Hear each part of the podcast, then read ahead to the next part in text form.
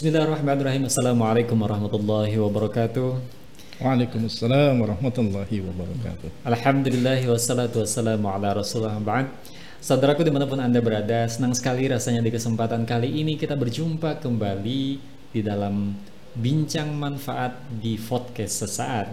Dan tentu di dalam program kita yang besar, bagaimana mewujudkan keluarga yang sakinah, mawaddah, warahmah. Dan bersama saya di kesempatan kali ini juga telah hadir kembali uh, guru kita, ustadz kita, uh, Bapak Ustadz Andi Wibisana. Assalamualaikum. Ustadz. Waalaikumsalam warahmatullahi wabarakatuh. Sehat kabarnya Ustadz? Alhamdulillah Pak Ramaji juga sehat ya insya Allah. Alhamdulillah, insya Allah. Mudah-mudahan kita semua senantiasa dalam lindungan Allah Amin Subhanahu amin ya Allah amin.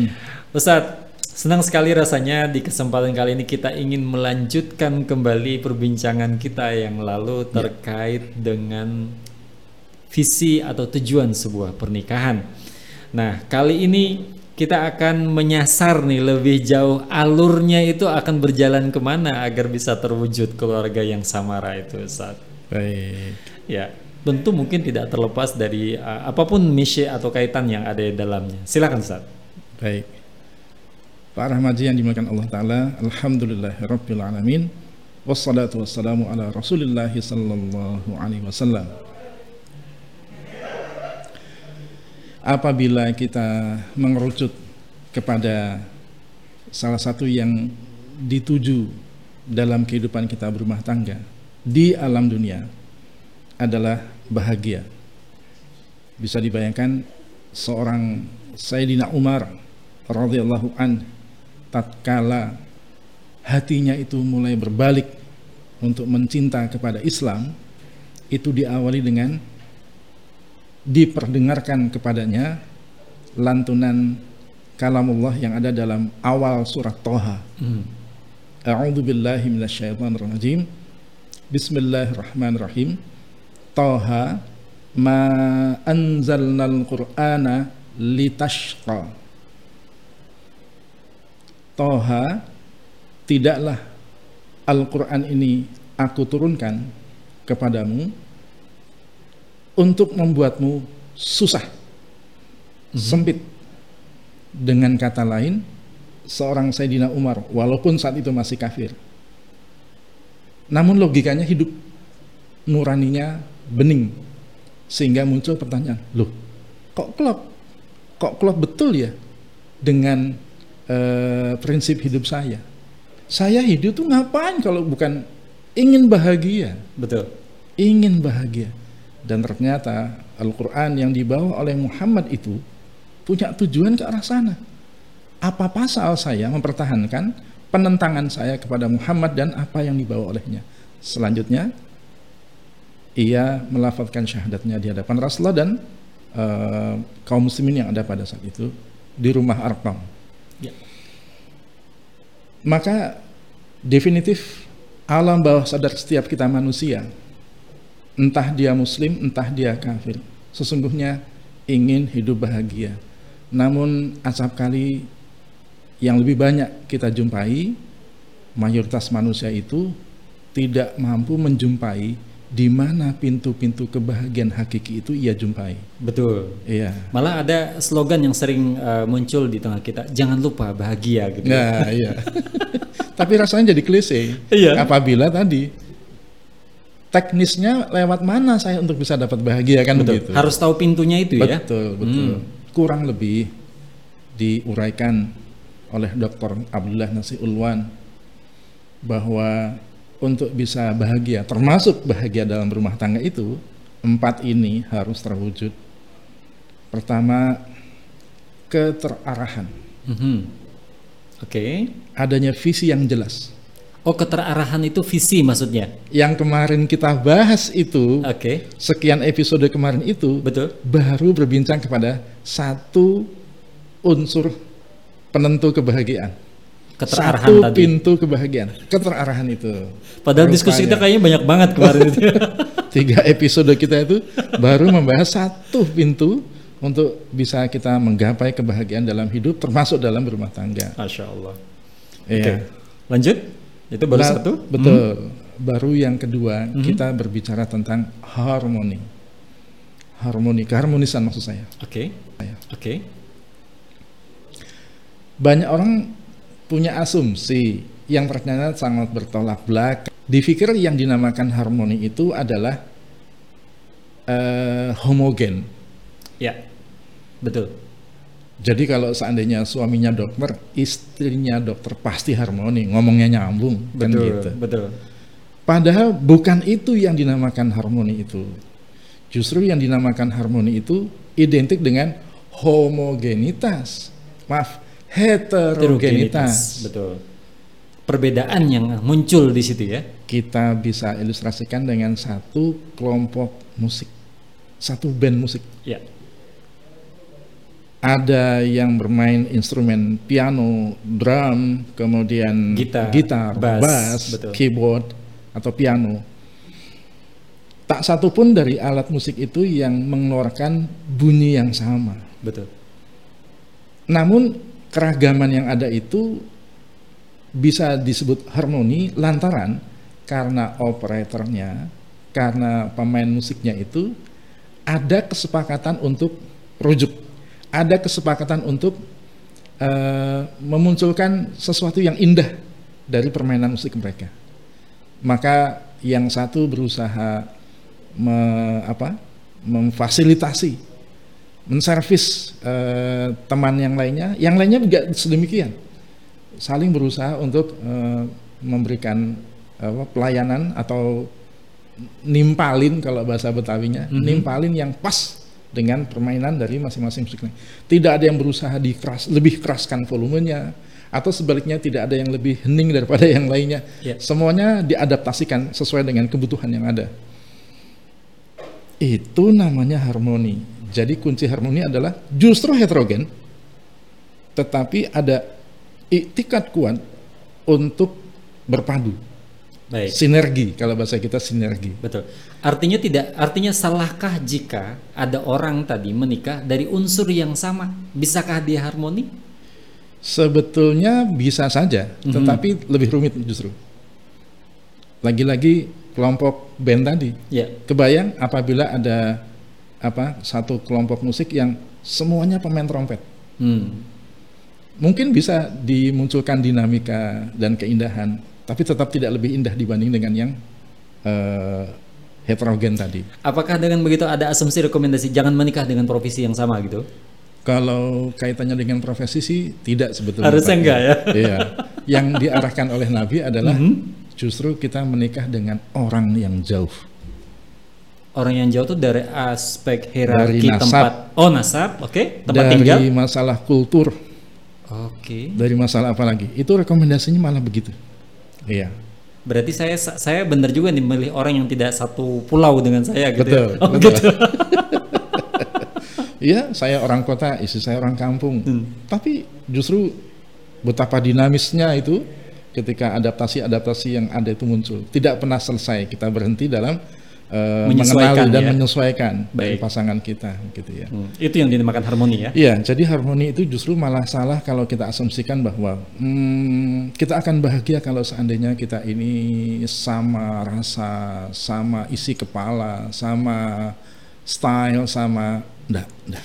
Uh, kita menemukan nih berapa belakangan ini kan orang "Sa- karena saya banyak kecocokan kelihatannya dengan orang ini gitu ya. Jadi saya memilih dia itu karena banyak kecocokan. Berarti salah asumsi itu. Definisi kecocokan itu apabila alhamdulillah Allah karuniakan kepada suatu pasangan Hmm. irisan. Nah, Oh. irisan dari jiwa yang tidak sama ini Oke. eh, irisan yang Ya. katakanlah ada kesamaannya lah tetap. Ya, beriris itu kan ketemu sedikit Iya, gitu ya. iya. Mhm. Eh, tetapi tetap merdeka mereka untuk mengembangkan perbedaan dan ketidaksamaan itu masing-masing. Bahkan itu menjadi sebuah ciri gitu ya. Dan justru yang dinamakan dengan eh, cocok sesuai itu apabila suami yang pelupa justru harusnya berdampingan dengan istri yang teliti. Jangan dibalik. Cocok nih sama-sama pelupa. Wah, itu parah malah Pak. Malah parah itu. Lah tapi kan kita mengenali orang itu kan di awal bahkan mungkin eh, orang tertentu kan tidak mengenal lebih jauh gitu. Bagaimana cara kita bisa memilih eh, hal yang saling melengkapi tadi? Iya.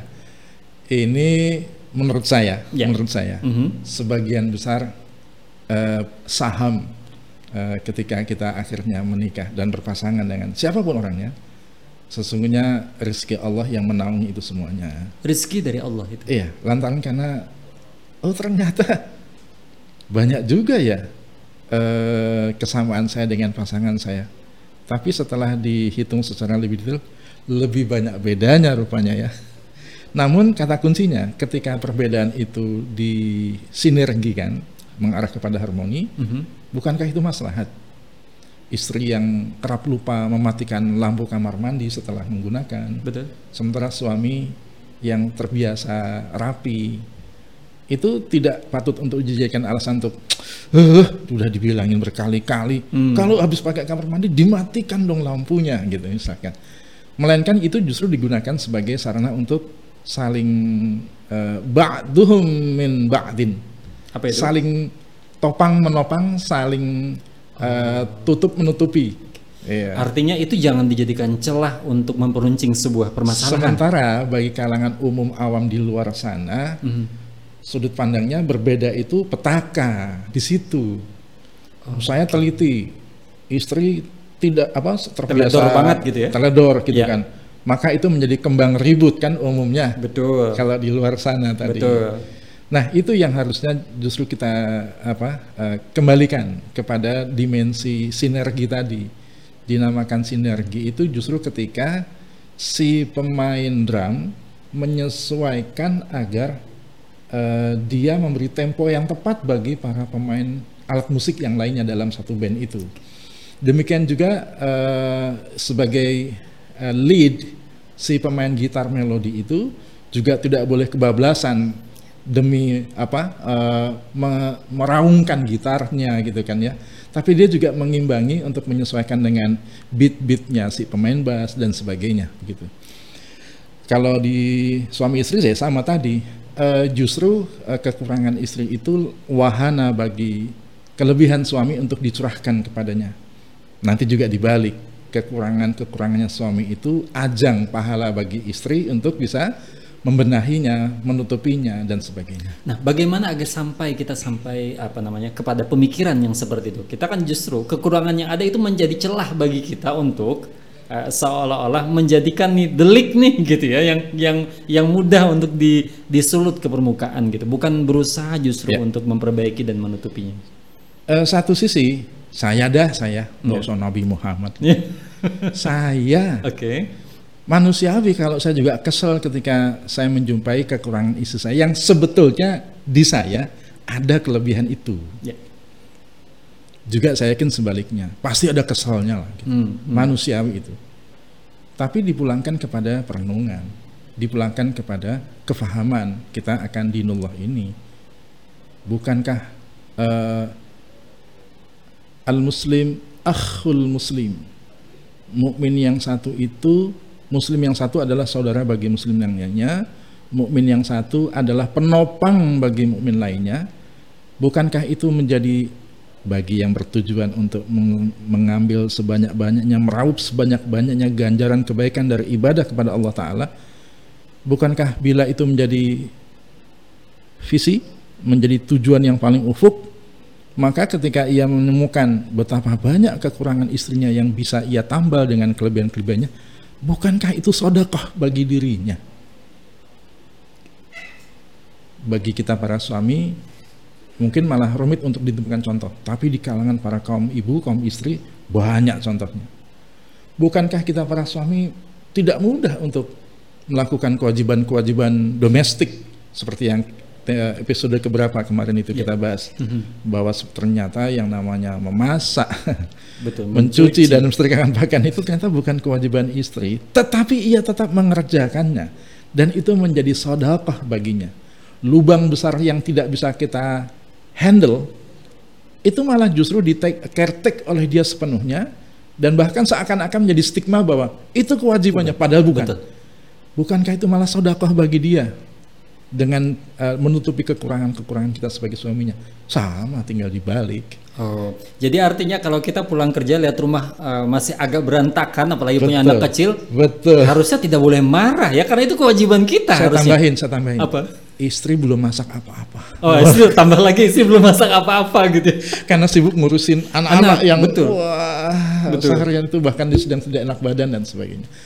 Itu sepatutnya apabila masih kita di perjalanan, di- entah di kendaraan umum atau di kendaraan pribadi, sempatkan untuk sebelum pulang itu menelpon, Ma, di rumah masak apa?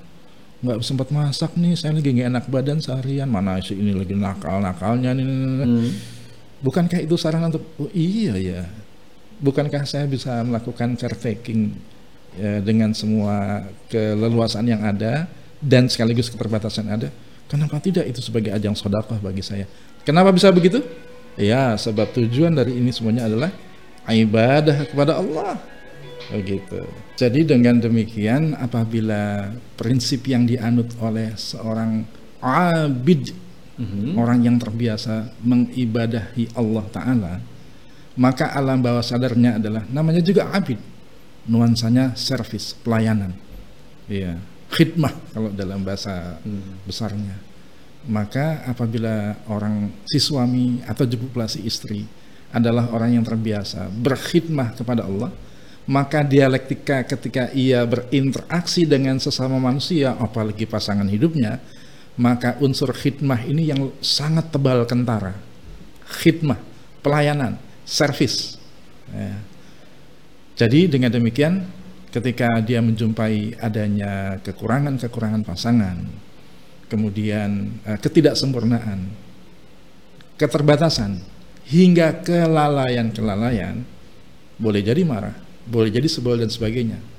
Tetapi tangan dan kakinya tidak bisa menutupi eh, sejatinya bahwa dia adalah seorang yang berkhidmah kepada pasangannya ini suami kepada istri juga istri kepada suami maka ketika dia menyibukkan diri dengan aksentuasi servis pelayanan khidmah maka yang terjadi adalah pengayoman. Maka yang muncul adalah bukan sibuk menghakimi pasangan atas kekurangan-kekurangannya, atas keterbatasan-keterbatasannya, tapi yang ada dia malah justru dengan khidmah kepada pasangannya itu ia menutupi kekurangannya, ia menambal eh, sisi-sisi kurang dari istrinya dengan kelebihan-kelebihan dirinya. Itu khidmah, itu dialektika seorang abid, seorang hamba yang terbiasa menghamba kepada Allah Ta'ala, maka ketika ia berinteraksi dengan manusia, dia akan terbiasa mengedepankan aspek pelayanannya. Artinya tadi ketika kita sampai rumah tidak boleh marah melihat kondisi rumah yang berantakan, istri belum masak. Harusnya tadi sebelum ke rumah telepon dulu. Bisa Sudah jadi makan begitu. belum? Kiat Gitu ya. teknisnya begitu. Iya. Iya. Di rumah ada masak nggak? Ini aku juga belum makan. Orang dari dari pagi sibuk sama anak-anak. Loh, udah langsung kertek. Waduh, beli di mana nih? Beli apa nih? Cocoknya makan apa nih, mah? Eh, pengennya dibelikan apa nih? Wah, langsung seperti itu. Ketika sampai rumah dibuka pintu, masya Allah, itu yang namanya ompolnya anak-anak masih ada di pojok sana, buku-buku berantakan, krayon itu sampai patah-patah keinjek-injek. Boleh jadi pada iki piye toh ini bagaimana sih? Tapi tangannya ngeberesin. Wah. itu seorang khadimah Seorang khadimat tadi ya. sebagaimana penjelasan pada episode keberapa itu Pak Rahmaji saya lupa Hmm. bahwa eh, salah satu makna qawam Betul. urutan yang kelima malah itu adalah khadimah Ya, melayani ya. melayani justru itu harusnya diteladankan oleh suami kepada istrinya Artinya aspek melayani di sini bukan menurunkan martabat suami yang ada di sana. Nah, eh, orang yang melakukan caretaking berarti kan orang yang lebih powerful ketimbang yang di caretake kan? Justru esensi bahwa dia adalah lebih dikjaya Hmm. eh, lebih berdaya untuk melakukan banyak hal gitu ya.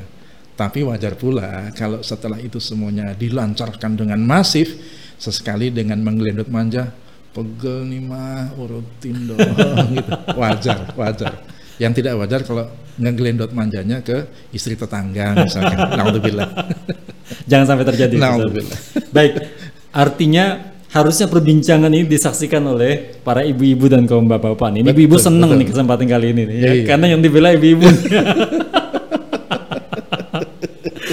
Baik, Eh, saudaraku di mana pun anda berada, jika anda merasakan manfaat dari bincang manfaat ini, jangan lupa subscribe di YouTube-nya, nyalakan loncengnya. Mudah-mudahan ini bisa berlanjut terus perbincangan kita. amin amin, amin ya Allah tetap harus kita selingi dengan yang Betul, seperti itu. betul, betul, betul. Baik, kita lanjut terkait dengan nih eh, tadi ada unsur eh, terkait dengan bagaimana agar keharmonian itu terjaga, tidak saling menonjolkan di antara satu yang lain, bahkan asumsinya saling menyeimbangkan lah kalau bahasa saya agar tetap eh, apa namanya saling harmoni tadi. Baik. Adakah yang lain dari aspek itu? Eh, pada bidang apa yang kita harus harmoni sana? Nah, itu dia mungkin kan pertanyaannya. gitu ya. Oke, pada bidang apa? Oke, mantap. Baik, Eh, Pak Rahmaji juga para pemirsa bahwa sebetulnya eh, untuk bisa meraih kebahagiaan unsur yang kedua harus bisa terwujud di dalam rumah kita itu adalah harmonisasi. Harmonisasi dalam urusan apa? Dalam urusan yang paling pokok adalah mewujudkan fungsi-fungsi rumah tangga. Iya. Mohon maaf saya harus buka contekan Oh, ini silakan. supaya saya nggak salah nyebut nantinya urutannya. Ya, Iya. menye- menye- menyelaraskan fungsi-fungsi. Yang semestinya terwujud dalam suatu rumah tangga. Oke, Iya. Hmm, yang paling pertama adalah fungsi eh, fisiologis. apa itu? Fungsi yang terkait dengan urusan fisik. Bahwa rumah tangga itu harus menjadi tempat yang layak bahkan nyaman untuk berteduh dari panas, hujan, eh, dan sebagainya. Di sana adalah tempat yang nyaman di mana kita dapat eh, sarana untuk mendapatkan konsumsi. Maksud saya kita pulang ke rumah itu di sana ada makanan, ada minuman dan kebutuhan-kebutuhan mendasar lainnya. Kemudian juga bahkan eh, fungsi fisiologis itu adalah di rumah itulah kita suami istri dapat dengan leluasa memenuhi kebutuhan-kebutuhan biologisnya. Oke, artinya ada bahasa kita di luar itu yang sering berkembang. Di tempat mana pun yang paling nyaman, tetap lebih nyaman pulang ke rumah betul, gitu ya. betul, betul. Itu maksud dari yang disampaikan tadi. Itu baru satu fungsi yang harus kita wujudkan bersama dengan eh, ki- eh, pa- pasangan kita bahkan hingga kepada anak-anak kita.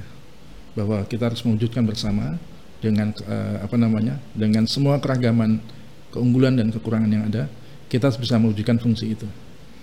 Oh iya, sebelum saya lanjutkan Pak, ini sebagai catatan. Nggak usah rumah tangga muslim, rumah tangga non muslim pun Mhm. pasti akan membutuhkan terwujudnya fungsi yang pertama ini, fungsi fisiologis. Di dalamnya kita bisa berteduh dari panas dan hujan. Oke. Di dalamnya kita leluasa untuk mendapatkan makan, minum dan kebutuhan dasar lainnya. Wabil khusus di sana kita leluasa untuk eh, melakukan hubungan biologis dengan pasangan.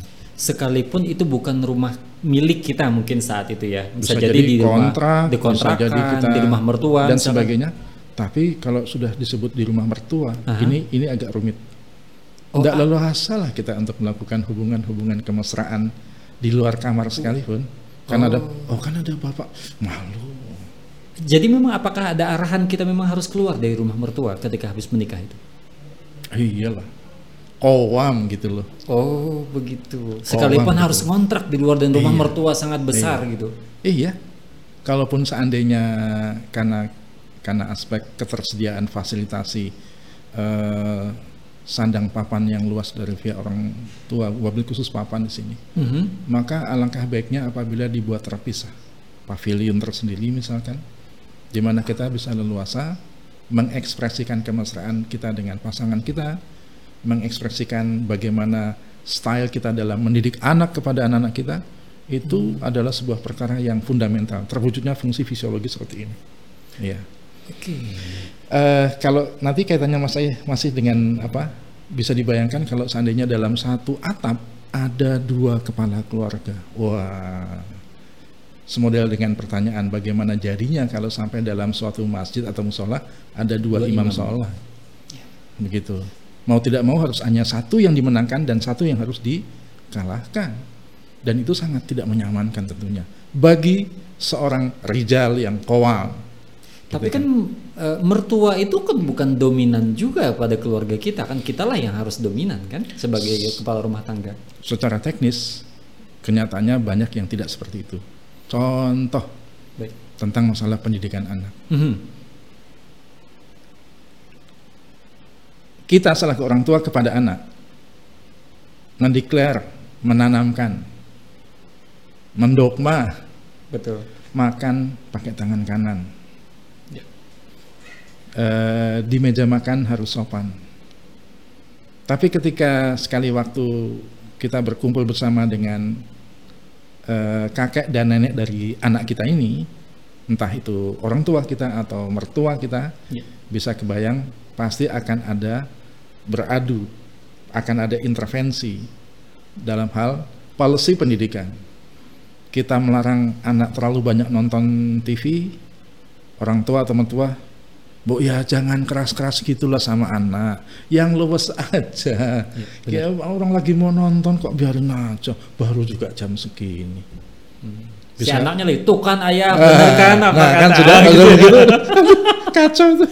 Okay. Yang satu mencoba mendisiplinkan, uh, kalau kakek dan nenek, uh, mungkin nanti bapak dan ibu yang sudah jadi kakek nenek bisa bisa apa mengoreksi kalau memang ucapan saya salah. Tapi kalau benar jangan jangan ditolak loh ya. Bahwa biasanya kakek nenek jauh lebih menyayangi, jauh lebih memanjakan lebih tepatnya okay. kepada cucunya ketimbang bapak ibunya. Kan gitu ya.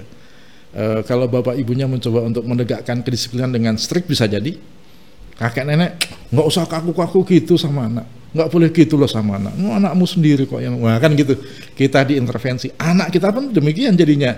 E, akhirnya berlaku apa sebuah kisah apa raksasa merah dan raksasa biru. Supaya keduanya diterima oleh penduduk kampung mereka membuat skenario raksasa merah datang sebagai pembuat onar ketika berbuat onar datanglah si raksasa biru yang mendamaikan, yang me mengendalikan bahkan melumpuhkan raksasa merah. Akhirnya penduduk kampung memberikan makanan dan lain-lainnya kepada raksasa biru, tapi membenci raksasa merah. Tidak diterima raksasa merah di uh, dalam kampung itu. Padahal maunya mereka keduanya bisa, bisa diterima, diterima oleh betul. penduduk kampung kan. Tapi yang satu harus bermain sebagai tokoh antagonis, udah celaka dia dibenci oleh uh, apa namanya orang kampung.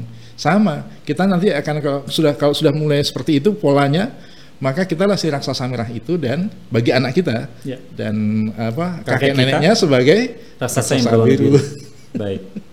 Itu itu ketika sudah punya belum punya anak pun kita pasti akan eh, menemukan kendala-kendala tadi. Baik. Atau adakah hmm. secara lebih spesifik misalkan arahan dari uh, Rasulullah atau hadis uh, dari Rasulullah atau mungkin para sahabat yang memang menganjurkan kita jangan tinggal serumah dengan mertua? Uh, bahasanya bukan larangan ya. Oke. Okay. Bahasanya bukan larangan. Tetapi uh, Rasulullah pernah menyebutkan bahwa setiap tanah itu ada penguasanya. Hmm. Iya. Dan setiap penguasa memiliki uh, daerah terlarangnya. Maka bisa dibayangkan bila ada satu tanah dengan lebih dari satu penguasa, maka akan terjadi uh, apa? Koslet nih pak. Ya. Mana daerah larangan, mana daerah yang diperbolehkan. Gitu kan. Jadi bisa dibayangkan bahwa uh, tidak ada yang mengharamkan seorang anak tinggal dengan orang tua atau mertua setelah berumah tangga atau bahkan beranak anak beranak banyak gitu ya. Namun di sini kita akan pasti menemukan adanya ketidakharmonisan. Baik. Iya. Kecuali bila salah satu berakting sebagai si inferior sementara yang satu sebagai si superior. Padahal ada dua koam, ya. ada dua pemimpin. Berarti salah satu koam itu harus ada yang mau mengalah dengan catatan mau mengalah ya sudah saya si inferior biarkan si itu sebagai superior iya pasti akan ada kendala walaupun kenyataannya banyak juga di kalangan kita kita orang ini yang kemudian ya wes begitulah hmm. menerima apa adanya dengan semua keterbatasan yang ada. Baik. Tapi itu bukan solusi tentunya. Itu namanya mendiamkan masalah. Baik. Bukan solving dan masalah. Oke, tadi terkait dengan ada wilayah-wilayah yang tertentu yang seorang suami istri tidak bisa mengekspresikan uh, cinta kasihnya terhadap pasangannya, itu memang ditunjukkan di depan umum gitu atau di depan orang tua atau harus lebih privasi gitu? Justru kalau seandainya di rumah kita sendiri, mm -hmm. uh, pada waktu yang anak-anak sedang sekolah mungkin, betul, pada waktu anak-anak sedang tidur mungkin tentu kita leluasa tanpa harus mematok hanya di dalam kamar begitu kan Uh, tetapi apabila kita di hadapan anak-anak menunjukkan kemesraan dengan istri kita pada batas-batas yang memang diperkenankan, itu menjadi suatu hal yang sangat berharga bagi mental anak kita. Menemukan orang tuanya itu yang berkasih rukun, sayang, hmm. berkasih sayang, mesra, saling bermanja. Uh, itu nilai positif besar bagi mental si anak. Tinggal dibalik, bagaimana kalau seandainya anak melihat orang tuanya yang cekcok, ya. dikit-dikit saling marah, dikit-dikit saling bertikai, saling memaki, ya Allah bisa dibayangkan. Jadi tidak sepele kemesraan yang dipertontonkan oleh suami istri kepada anggota keluarga yang lain sebetulnya. Begitu. Dan tentu lebih lebih santun lebih nyaman apabila kita lakukan itu di bawah atap rumah kita sendiri. Iya. Oke baik ini masalah keharmonisan ya itu baru yang kedua Uh, ini baru tentang masalah mewujudkan ah, fungsi. Fungsi. Yang ya. pertama yaitu yang pertama. fungsi fisiologis. Oke. Okay. Yang kedua, yang kedua fungsi psikologis. Oke. Okay. Fungsi psikologis itu adalah di mana rumah itu harusnya menjadi tempat di mana setiap jiwa yang berhimpun di bawah atap rumah itu diterima eksistensinya. Mm -hmm. Diterima eksistensinya. Ya. Suami menempatkan istrinya sebagai ratu rumah tangga. Istri memposisikan mm-hmm. bahwa suaminya adalah pemimpinnya, eh, pengayomnya, ya, yang memberikan arah dan sebagainya, gitu kan. Eh, begitu pula anak-anak diakui eksistensinya dengan semua potensi-potensi, bakat-bakatnya, passion-passionnya, gitu ya. Eh, berarti kalau sampai ada rumah tangga yang seperti itu, itu rumah tangga yang terpenuhi fungsi psikologis. Psikologisnya. Iya. Uh, bahkan juga rumah tangga itu mulai mampu menjadi uh, mulai mampu menghadirkan dukungan-dukungan dukungan-dukungan psikologis yang mengarahkan agar dia menjadi seorang hamba kepada Allah Taala. Contoh gampang, contoh gampang. Oke, okay, contoh sederhananya. Ayah atau ibu membangunkan anaknya untuk salat. Hmm. Jadi kalau sampai tidak ada di rumah itu uh, pihak yang berinisiatif untuk uh, menyeru anggota keluarga lainnya dalam beribadah kepada Allah Taala, di sana tidak ada fungsi psikologis yang benar. Iya, ter tidak terwujud fungsi psikologis yang semestinya, begitu. Jadi bisa dibayangkan bahwa oh sampai ke situ ya kalau kaitannya dengan fungsi psikologis, iya sampai ke sana. Begitu juga mungkin ketika suami atau istri membangunkan suaminya untuk oh, kita bangun lebih awal yeah, nih gitu yeah. untuk sama-sama melaksanakan uh, betul, sholat betul, dan lain betul. sebagainya. Seperti Rasulullah yang membangunkan Aisyah gitu ya. Hmm. Mungkin kalau para suami kita kebalik istri yang membangunkan suami untuk suaminya capek cari nafkah. Oke. Okay. Iya. Fungsi psikologis, fungsi apa iya. namanya iya. uh, psikis gitu ya. Apalagi? Adakah yang lain? Jadi kembali kepada fungsi psikologis, identitas diri, citra uh, dan kepercayaan diri dari masing-masing anggota keluarga itu terbangun lantaran karena satu anggota keluarga dengan yang lainnya itu saling mengakui eksistensi mereka masing-masing sebagai orang tua, sebagai anak, sebagai suami, sebagai istri itu dihormati Nah, itu ternyata fungsi psikologis.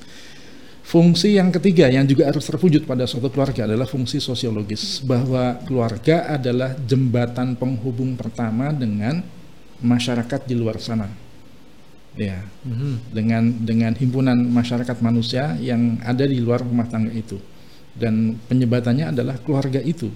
Jadi justru uh, keluarga yang mampu memenuhi fungsi sosiologis itu adalah justru keluarga yang uh, mereka itu inklusif, mm-hmm. mampu memunculkan bahwa uh, kita adalah bagian dari masyarakat. Oke. Okay. Jadi orang tua kepada anak itu mampu memunculkan bahwa kita adalah bagian dari masyarakat. Jadi tidak bisa kita itu menepis kenyataan bahwa tiap masyarakat ada budayanya dan kita harus bisa beradaptasi dengan budaya-budaya yang ada di lingkungan sekitar uh, rumah kita ini gitu ya. Orang tua lah yang terutama untuk bisa membentuk itu semua. Tapi juga tidak terkemungkinan suami mengingatkan istrinya, istri mengingatkan suaminya akan uh, fungsi sosiologis yang ada tadi gitu ya. Uh, nanti kita akan bisa menemukan di rumah tangga rumah tangga uh, umat manusia pada umumnya bukan saja kaum muslimin fungsi fisiologis, fungsi psikologis, fungsi sosiologis ini ada, semestinya ada sebagai fungsi standar yang terwujud. Yang membedakan dengan rumah tangga yang islami adalah fungsi yang keempat, Apa itu? fungsi dakwah. Oh jadi harus hadir tuh fungsi dakwah di dalam Untuk sebuah bisa keluarga. dikatakan rumah tangga itu sakinah mawadah warahmah, untuk bisa dikatakan bahwa terwujud baiti jannati, rumah tanggaku adalah surgaku, maka justru ada fungsi dakwah. Oke, sebelum kita membahas lebih lanjut tentang eh, fungsi dakwah di dalam rumah tangga ini, ini ada pertanyaan dari Susi di Palembang terkait bagaimana jika di keluarga itu sudah muncul riak-riak perbedaan yang mengemuka, apa yang harus dilakukan? Dudukkan bersama eh, sepasang suami istri itu, lalu diajak untuk memiliki cakrawala pandang yang luas dalam mensikapi rumah tangganya yang dijalaninya itu. Bahwa yang tadi sudah saya sebutkan bahwa kita ini adalah abid lillah, kita ini adalah orang yang terbiasa menjadi hamba kepada Allah, maka munculkan dialektika satu poin dialektika yang sangat kental kentara pasti ada pada pada para hamba itu adalah dialektika khidmah. Maka apabila kita terbiasa berkhidmah maka kita akan terbiasa mengedepankan unsur servis. Bukan masalah bukan malah minta diservis. Maka ketika berhadapan dengan kekurangan-kekurangan keterbatasan-keterbatasan hingga kelalaian-kelalaian pasangan maka sudut pandang yang pertama kali muncul di alam bawah sadarnya adalah saya bisa menutupi yang poin mana nih dari kekurangan-kekurangannya? Saya bisa melengkapi yang mana nih dari keterbatasan-keterbatasannya saya bisa mengupgrade yang dari sisi mana nih ketika melihat eh, apa namanya penyimpangan penyimpangannya nih gitu ya. Jadi ya, satu hal yang patut untuk kita camkan jangan pernah mencoba menjadi hakim atas pasangan kita sendiri. Jangan pernah mencoba menjadi hakim atas pasangan kita sendiri. Jadi harus kita sebagai ini ya pengacara ya, pembela justru ya. Iya. Apalagi kalau seandainya diingatkan dari kalamullah dalam surat At-Tahrim surat ke-66 ayat 6 A'udzu billahi minasyaitonir rajim ya ayyuhalladzina amanu qu anfusakum wa ahlikum nar. Maka kitalah para suami yang seharusnya mampu mengedepankan kentalnya kultur sebagai orang yang berpikir bagaimana caranya agar Allah Ta'ala memaafkan, melimpahkan ampunan kepada pasangan saya, kepada anak-anak keturunan saya. Bukan malah kita sebagai suami hanya bisa petantang tenteng, bermodalkan telunjuk, eh, eh, eh, nah, gitu ya misalkan. Tapi yang ada justru adalah, ya wis, ya wis, gimana nih? Baiknya kita benahi dari mana? Ayo, saya ajak bersama-sama ya maafkan saya. Kalau saya dengan keterbatasan saya pula tidak bisa melakukan pembenahan yang sebanyak-banyaknya. Yuk tapi kita sama-sama untuk kita uh, benahi. Nampaknya kalau kultur itu yang muncul dalam diri kita terutama sebagai kaum wajar kalau seandainya justru yang kita hadirkan bukan penghakiman tetapi justru kita adalah orang yang disibukkan dengan melakukan upgrading melakukan merancang bangun ya manufacturing terhadap kekurangan-kekurangan, keterbatasan, bahkan hingga kelalaian-kelalaian dari pasangan kita, anak-anak kita. Gitu. Baik, uh, Bu Susi mudah-mudahan terjawab pertanyaannya. Insya Satu lagi nih, ada pertanyaan yang relatif jauh nih dari Lombok, Oh. Ah, Bapak Ahmad. Nah, eh, bagaimana cara atau bagaimana sikap kita untuk memunculkan bisa untuk berkhidmat terhadap keluarga, kiat nih untuk menjadi orang yang melayani di keluarga itu apa yang harus dilakukan? Ya. Eh, dari pengalaman saya pribadi, Oke, tidak usah meninggi, maksudnya? membumi dalam pengertian bahwa perjelas, pertegas kepada pasangan kita bahwa inilah saya adanya. Ada kelebihan, terutama kalau saya sih berat badan terutama ya. Tetapi juga pasti banyak kekurangan-kekurangan, alpa, aib-aib. Eh, ayo bergandengan dengan saya berarti bukan saja bergandengan dengan kelebihan dan keunggulan saya tapi juga dengan kelemahan-kelemahan saya setelah itu mainkan fungsi yang ada dari mulai fungsi kaum tadi kalau seandainya okay. kita sebagai suami mm -hmm. sampai kepada khadimah bagi mereka saya yakin kalau seandainya itu kita juga mampu uh, sudah terbiasa dialektika itu kita rintis perlahan bersama dari yang tadinya saat sebelum berumah tangga kita hanya sebatas menjumpai biasanya kan kalau pengantin baru kan yang kita jumpai itu adalah uh, ini si pangeran dengan si putri begitu kan ya. Betul. Ya. yang kita jumpai adalah sesuatu yang nggak nginjek tanah kalau bahasa saya. Ya. Tapi justru uh, kalau kita ingin seperti yang diharapkan, justru jangan pernah mencoba untuk jaim, jangan pernah untuk menunjukkan sisi hanya keunggulan, tapi uh, po, apa uh, pojokkan pasangan kita, bahkan juga anak-anak kita bahwa inilah saya, sang suami, sang ayah yang di sana ada kekurangan maka saya akan coba servis dengan membantu me, me, me, menutupi kekurangan-kekuranganmu, bantu saya juga untuk menutupi kekurangan-kekurangan saya dengan kelebihan-kelebihanmu. Itu harus didialogkan dengan keluarga. Terserah.